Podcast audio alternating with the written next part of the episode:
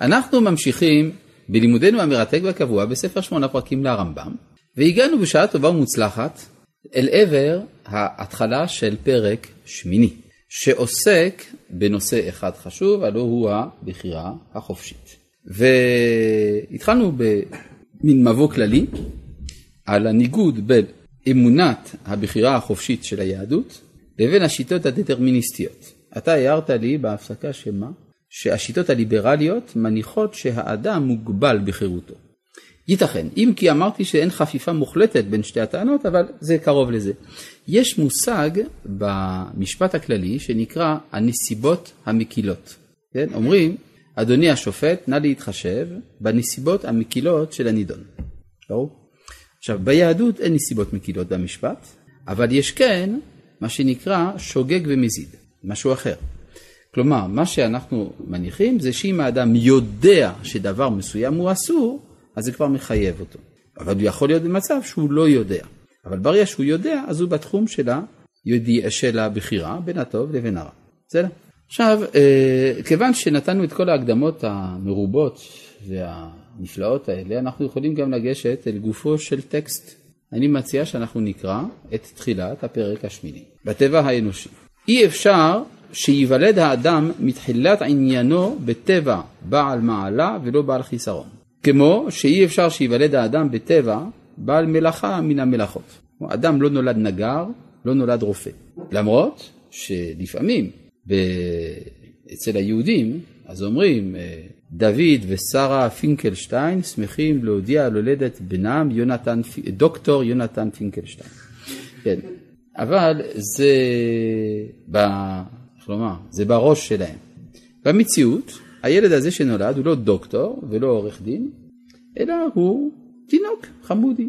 זאת אומרת, הוא עתיד לקנות מעלות, אם הוא ישתדל. לא ישתדל, לא יקנה. לא פחיתויות.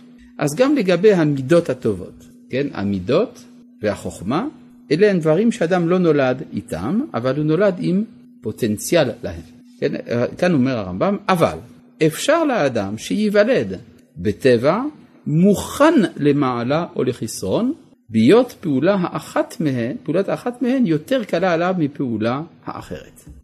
למשל, אם יש אדם שהוא גבוה בגופו, מטר שמונים וחמש, יש לו נתונים טובים כדי להיות כדורסלן, נכון? אם הוא בגובה מטר ארבעים וחמש, יהיה לו קשה. האם זה אומר שהגבוה יהיה שחקן כדורסל? יש לו נתונים המאפשרים לו. לא ינצל אותם, לא יהיה. כמו כן, נמוך הקומה, אם ישתדל מאוד, יעשה מאמצים רבים, גם יהיה שחקן כדורסל, אבל זה יהיה לו קשה יותר. אבל באותה מידה הבחירה עומדת בפני זה ובפני זה. כלומר, אדם שקשה לו דבר, זה לא אומר שהוא לא יעשה. הוא יכול לבחור שיהיה לו קל, יכול לבחור לעשות את הדבר הקשה עליו. זו החלטה שלו. אבל נקודת הבחירה היא שווה גם אצל זה וגם אצל זה. כן, משל, אה, מה הדבר דומה? אדם ששואל את עצמו, האם לטפס על האברסט או שלא? לטפס על האברסט זה קשה. להישאר בקורסה זה קל. אבל יש אנשים שבוחרים לטפס על ההר ולא להישאר בקורסה. למה? כי הם בחרו לעשות משהו קשה. כלומר, לא שיש בחירה קשה, בחירה קלה, הבחירה אותה בחירה. אתה בוחר בין הקל לקשה. הרמב"ם מנדב לנו גם כן דוגמאות משלו. בשביל מה שאני אגיד דוגמאות משלי, כשהרמב"ם בעצמו מביא דוגמאות משלו. והמשל בו, כשיהיה האדם מזגו נוטה ליובש ויהיה עצם מוחו זך ועל יחוד בו מעתה, זה מושגים של הרפואה של ימי הביניים, כן? דיברו על מזג יבש, מזג רטוב, וכל מיני דברים כאלה, לחויות, כן? אז במקרה כזה, יקל עליו לגרוס ולזכור ולהבין העניינים יותר מבעל לחה לבנה רב על יחות במוח. כלומר, יש אנשים שקשה להם לזכור, יש אנשים שקל להם לזכור. אבל אם יונח האיש ההוא המוכן במזגו על זאת המעלה, מבלתי למוד כלל. כן, אותו אדם שיש לו יכולת למידה, יכולת זכירה, אבל הוא לא לומד. הוא עובר את זמנו בשיזוף על החוף, ולא יעורר כוחותיו, יישאר שחל, בלי ספק, למרות שיש לו נתונים. וכן, כשילמדו ויבינו, זה העב הטבע רב על איכות, ידע ויבין, אבל בקושי, כלומר שזה יעלה לו בקשיים. אבל גם האדם הבינוני הזה, שלא כל כך יודע ללמוד, לא כל כך זוכר, אם הוא יתאמץ, יזכור וילמד. הוא יהפוך בסוף לחכם. ועל זה אמין בעצמו, יימצא איש, שמזג ליבו יותר חם ממה שצריך. יהיה גיבור. רצוני לומר, מוכן לגבורה. אם ילמדוהו הגבורה, יהיה גיבור במהרה, בלי ספק. ילמדו הכוונה, ירגילו אותו, יתרגלו אצלו. תרגילי יראה, אה, גבורה, זה ילך. ואחר, מזג ליבו יותר קר ממה שצריך, והוא מוכן לצד המורך והפחד. כל דבר מפחיד אותו. וכשילמדו וירגלו, כלומר כשמלמדים אותו להיות פחדן, יקבלה מהרה. בקלות הוא יהיה פחדן. ואם יכוון בו הגבורה, לא ישוב גיבור, רק בקושי גדול. אבל ישוב, כשירגלו בלי ספק. כלומר, אם הוא ישתדל להיות גיבור, אחרי הרבה הרבה תרגולים הוא יהיה גיבור, רק שזה עלה לו בקשיים יותר מאשר אצל האדם שיש לו מזג חם מלכתחילה. גבורה היא מידה טובה לפי הרמב"ם, כזכור. כן? זהו, זה העיקרון של הרמב"ם. זאת אומרת שהאדם הוא בן חורין לגבי מידותיו, כיצד להיות. כן? יש אה, ביטוי בספרות הרומנטית הצרפתית, זה חזק ממני. מכירים את הביטוי הזה? ספרות הרומנטית. זה חזק ממני. מה המשמעות של הביטוי הזה, זה חזק ממני, בעברית אה, יהודית? בעברית יהודית זה גילוי עריות, כן? חייבי מיתות וכריתות. כן? מה זה חזק ממך? אז מה אם זה חזק? זה לא חזק ממך, זה חזק, אבל לא ממך. גם האדם שיש לו נטייה אל העבירה, יש ביכולתו להתגבר על הנטייה. נכון? דיברנו על זה בפרק שישי. זה בעצם האמירה הבסיסית של הרמב"ם שיש לאדם בחירה חופשית. נגד מי כותב את זה הרמב"ם? הוא נגד, כותב את זה נגד השיטות הדטרמיניסטיות. ישנן בעיקר שתי שיטות שהרמב"ם אה, התמודד איתן בזמנו, זה האסטרולוגים והאסלאם. בעיקר האסלאם הסוני, כן, לפי האסלאם הסוני, שהוא מהווה היום 90% מן האסלאם, האדם איננו בן חורין. יש גזרה מלמעלה, פטליזם מה שנקרא, כן, בערבית כתוב מאת האל, מכתוב מן אללה, והאדם אין לו ברירה אלא להתנהג כפי שקבע האל. כן, אם אני אמרתי שאצל הסונים אין בחירה חופשית, מה זה אומר לדעתך על דעתי בעניין השיעים, שזה שונה? אז למה אתה שאלת? הרי זה מתבקש, נכון? טוב, ואומנם ביארתי לך, זה אומר הרמב"ם, שלא תחשוב השיגעונות אשר ישקרו בהם חכמי הכוכבים אמיתיות. כן, האמת היא שהוא מתכוון גם נגד האסלאם, אבל הוא כותב במפורש נגד האסטרולוגיה. כי יחשבו, האסטרולוגים, שמולד האדם, מה זה מולד האדם? הכוונה מצב הכוכבים בשעה שהוא נולד, ישימהו בעל מעלה או בעל חסרון, ושהאיש מוכרח על המעשים ההם בהכרח. זאת השיטה הדטרמיניסטית של האסטרולוגיה. אמנם אני יודע שהדבר המוסכם עליו מתורתנו ומפילוסופי יוון, כמו שאם תוהו טענות האמת, שפעולות האדם כולן מסורות לו, אין מכריח אותו בהן ולא מביא אותו זולת עצמו כלל שיתהו לצד מעלה או לצד חסרון. אלא אם כן תהיה לו הכנת המזגים לבד, כמו שביארנו, שיקל לו עניין, או יכבד, אבל שיתחייב, או בו נמנע, אין זה כלל. זה, זה בעצם אפשר לומר אחד ה... אחד המשפטים המרכזיים במשנתו של הרמב"ם שקראנו עכשיו, שהדבר מוסכם גם מתורתנו וגם מפילוסופי יוון. זה אולי מסביר מדוע הרמב"ם אה, לקח על עצמו לאחד בין החוכמה היוונית לבין חוכמת התורה בספר מורה הנבוכים, אולי בגלל הנקודה הבסיסית הזאת, שאלה הן שתי שיטות שמאמינות בחירות של האדם. ומבחינה זאת יש סימפתיה בין שתי השיטות, למרות שאין זהות מוחלטת. ועכשיו הרמב"ם צריך, ל...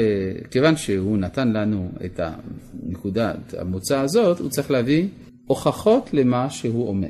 ההוכחות תהיינה הוכחות שכליות, וגם הוכחות מן התורה, מן הנביאים ומחז"ל. בסדר? אז יש פה תוכנית עבודה. להביא הוכחות על פי השכל, הוכחות מהתורה ומהנביאים ומחז"ל.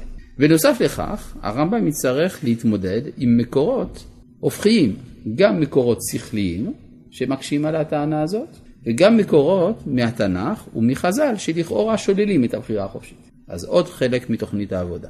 לאחר מכן הרמב"ם יצטרך גם להתמודד עם הסייגים שיכולים להיות על פי התורה אה, לבחירה החופשית. מתי היא נעצרת? גם זה צריך לברר, בסדר? וגם יש קושיות גדולות, כמו שאלת הידיעה והבחירה, שאלה פילוסופית, שתחתום את הפרק השמיני. אתם רואים כל כך הרבה נושאים אנחנו צריכים לברר. זה מסביר מדוע הפרק הזה הוא ארוך. הבה נקרא בפנים. אז קודם כל, יש פה ארבע טענות שכליות קודם כל.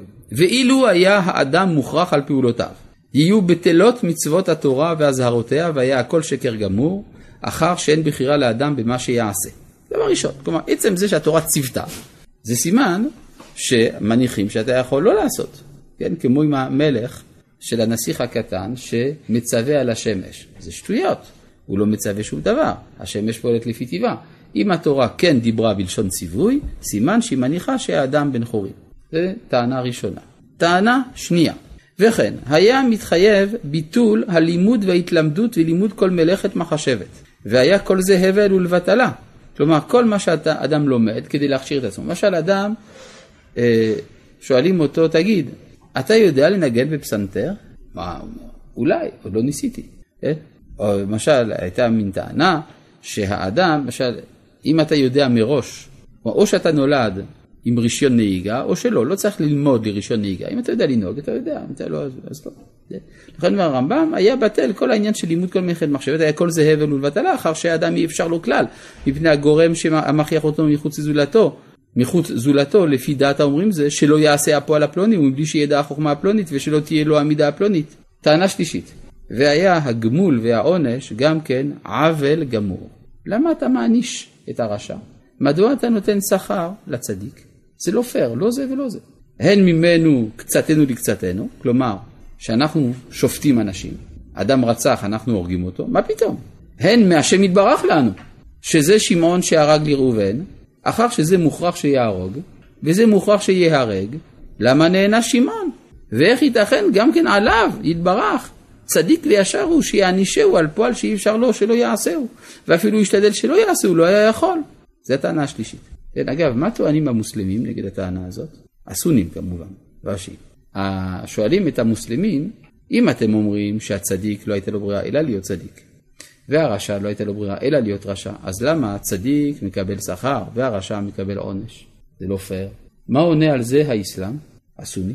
כך גזר האל, שאף על פי שאי אפשר היה לצדיק שלא יהיה צדיק, בכל זאת גזר האל שיקבל על זה שכר. ואף על פי שאי אפשר היה לרשע שלא יהיה רשע, גזר האל שיקבל עונש. ככה זה.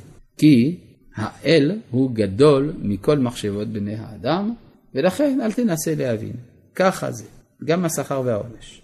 זה הטענה השלישית. מה עם הטענה הרביעית? והיו בטלות גם כן ההכנות כולן עד סופן, מבנות בתים וכינוס הממון, ולברוח בית הפחד, וזולתם מן הדומים להם. כי אשר נגזר שיהיה, אי אפשר מבלתי היות. זאת אומרת, אתה, למה אתה לובש בגד? כדי שיהיה לך חם. אם אלוהים גזר עליך שיהיה לך חם, גם אם תלך בלי בגדים, יהיה לך חם. ואם אלוהים גזר שיהיה לך קר, גם אם תלבש כל הבגדים שבעולם, יהיה לך קר. לכן, ואז, אבל אנחנו רואים שלא כך בני אדם מתנהגים, יש הכנות מה שנקרא. וזה כולו שקר גמור, וכנגד המושכל והמורגש, והריסות חומת התורה, ולגזור על השם יתברך בעוול, חלילה לא ממנו. שימו לב שכאן במילים קצרות חזר הרמב"ם על ארבעת הטענות. המושכל והמורגש, שזה, המושכל זה שאנשים לומדים, המורגש זה שאנשים מתכוננים, עושים הכנות, זה הטענה הראשונה והרביעית, והריסת חומת התורה, סליחה, השנייה והרביעית, והריסת חומת התורה זה הראשונה, ולגזור על השם יתברך בעוול חלילה לא ממנו הרביעית. כן? כלומר הרמב"ם פה חזר על ארבע הטענות, רק בסדר הפוך. כן, במקום 1, 2, 3, 4, עשה 2, 4, 1, 3. לא, סליחה, 2, 3, 1, 4. מה זה משנה? אמנם, אז כן, כאן הרמב"ם מביא ארבע הוכחות. נשאלת השאלה, האם ההוכחות האלה הן הוכחות באמת? יוכל הטוען לטעון, לא נכון. ההוכחות האלה הן לא הוכחות מוחלטות. שהרי אני יכול להגיד, נדמה לך שאתה בן חורין, ושאתה עושה הכנות, ונדמה לך כך וכך, נכון? ונדמה לך שהקדוש ברוך הוא עושה צדק. כן? אפשר גם לטעון את כל זה. אבל זה לא סביר. כן? הרמב"ם הוא אדם מאוד אופטימי, ולא רק אופטימי, הוא מאוד מוסרי. זאת אומרת, הוא לא חושב שהקדוש ברוך הוא יעשה לנו רע, ויעשה לנו בלוף. כן? זה בהרבה שאלות מהותיות מבחינה פילוסופית, שהרמב"ם מכריע על פי המוסר. בסדר? אמנם האמת, אשר אין ספק בו, שפעולות האדם כולן מסורות לו, אם ירצה יעשה, ואם לא ירצה לא יעשה.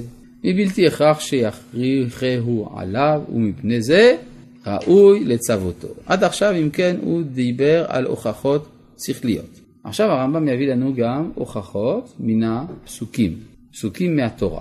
אמר, ראה נתתי לפניך היום את החיים ואת הטוב, הברכה והקללה, ובחרת בחיים, ושמה בחירה לנו בהם. אם כן, אתה רואה שהתורה עצמה אמרה שאדם בוחר. וחייב העונש למי שימרה והגמול למי שיעבוד. כן, כמו עוד טענה שראינו למעלה. אם תשמעו ואם לא תשמעו. והטענה השלישית עכשיו, חייב הלימוד וההתלמדות ולימדתם אותם את בניכם ולמדתם אותם ושמרתם לעשותם וכל מה שבא בלימוד המצוות. ומה עם הטענה הנוספת, הרביעית? וחייב גם כן ההכנות כולן, כמו שכתוב בתורה, כי תבנה בית חדש ועשית מעקה לגגיך ולא תשים דמים בביתך. אז זאת אומרת שאם תבנה מעקה, לא ייפלו. זאת אומרת, אם תבנה מעקה, לא ייפלו. לא תבנה מעקה, ייפלו. סימן שהנפילה איננה הכרחית. אבל יש פה גם, אם כבר זה דוגמת כי כל הנופל ממת. אתה רואה שהוא לא, לא מתייחס לזה. לא מתייחס לזה. פן ימות במלחמה. כן, הרי כתוב בתורה שאדם שארס אישה ולא לקחה, נטע כרם ולא חיללו, בנה בית ולא חנכו, ילך וישוב לביתו, פן ימות במלחמה ואיש אחר ייקחנה, יחללנו וכולי. זאת אומרת, אה, שהתורה אומרת שאם האדם הזה לא יצא למלחמה, הוא לא ייהרג. אם הוא יצא למלחמה, הוא עלול להיהרג. במה ישכב? מה זה במה ישכב? זה שאדם צריך להחזיר את המשכון. כן? אם אדם מלווה כסף לעני, הוא לוקח ממנו משכון. מה, מה העני יכול לתת כמשכון? את השמיכה שלו. אומר הכתוב, תחזיר לו את השמיכה עד בוא השמש, כי אם לא, אז במה יישן? יוצא לפי זה, שלקחת משכון זה הפך להיות הדבר הממש לא, ממש לא משתלם, נכון? אתה נותן הלוואה, רק אומרים לך, אתה יודע, כל ערב תחזיר את המשכון. בשביל מה אתה עושה את זה? כן, אני חשב, פעם מישהו אמר לי שאם זה נכון, מה שכתוב בתורה, יוצא לפי זה, זה אדם שעסק בתזמורת. עכשיו, כשיש תזמורת לחתונה, צריך לקחת את כל המגברים ואת האורגן וכל הכלי נגינה ואת התופים, לקחת, אה, לקחת משאית. זה עולה הרבה כסף, זמן, מאמצים, להביא את זה לאולם השמחות. הכי פשוט זה לתת את זה כמשכון על הלוואה. תיקח הלוואה של אלף שקל, תן את זה כמשכון. אבל כיוון שצריך להחזיר, כיוון שמזה אתה חי, הוא צריך, המלווה, להביא לך את זה בכל מקום. תגיד לו, מחר זה בקריית שמונה, כן? תביא לי את זה לשם, כן? בעצם זה עד כדי אבסורד, אבל זה אומר שבעצם לקיחת המשכון היא דבר הבלתי משתלם. כן? עכשיו, מה זה הסיפור הזה שהתורה אומרת? כי כסותו לבדו היא שמלתו לעורו, במה ישכב? מה זה במה ישכב? אם הקדוש ברוך הוא גזר מראש שיהיה לו במה לשכב, אז אני יכול לקחת את המשכון, וימצא משהו אחר. אלא מזה אתה רואה שהתורה מניחה שאם לא תחזיר לו את השמיכה, לא יהיה לו במה לישון. לא יחבול רחיים ורכב. מה זה? שאסור לקחת כמשכון דבר שעושים בו אוכל נפש.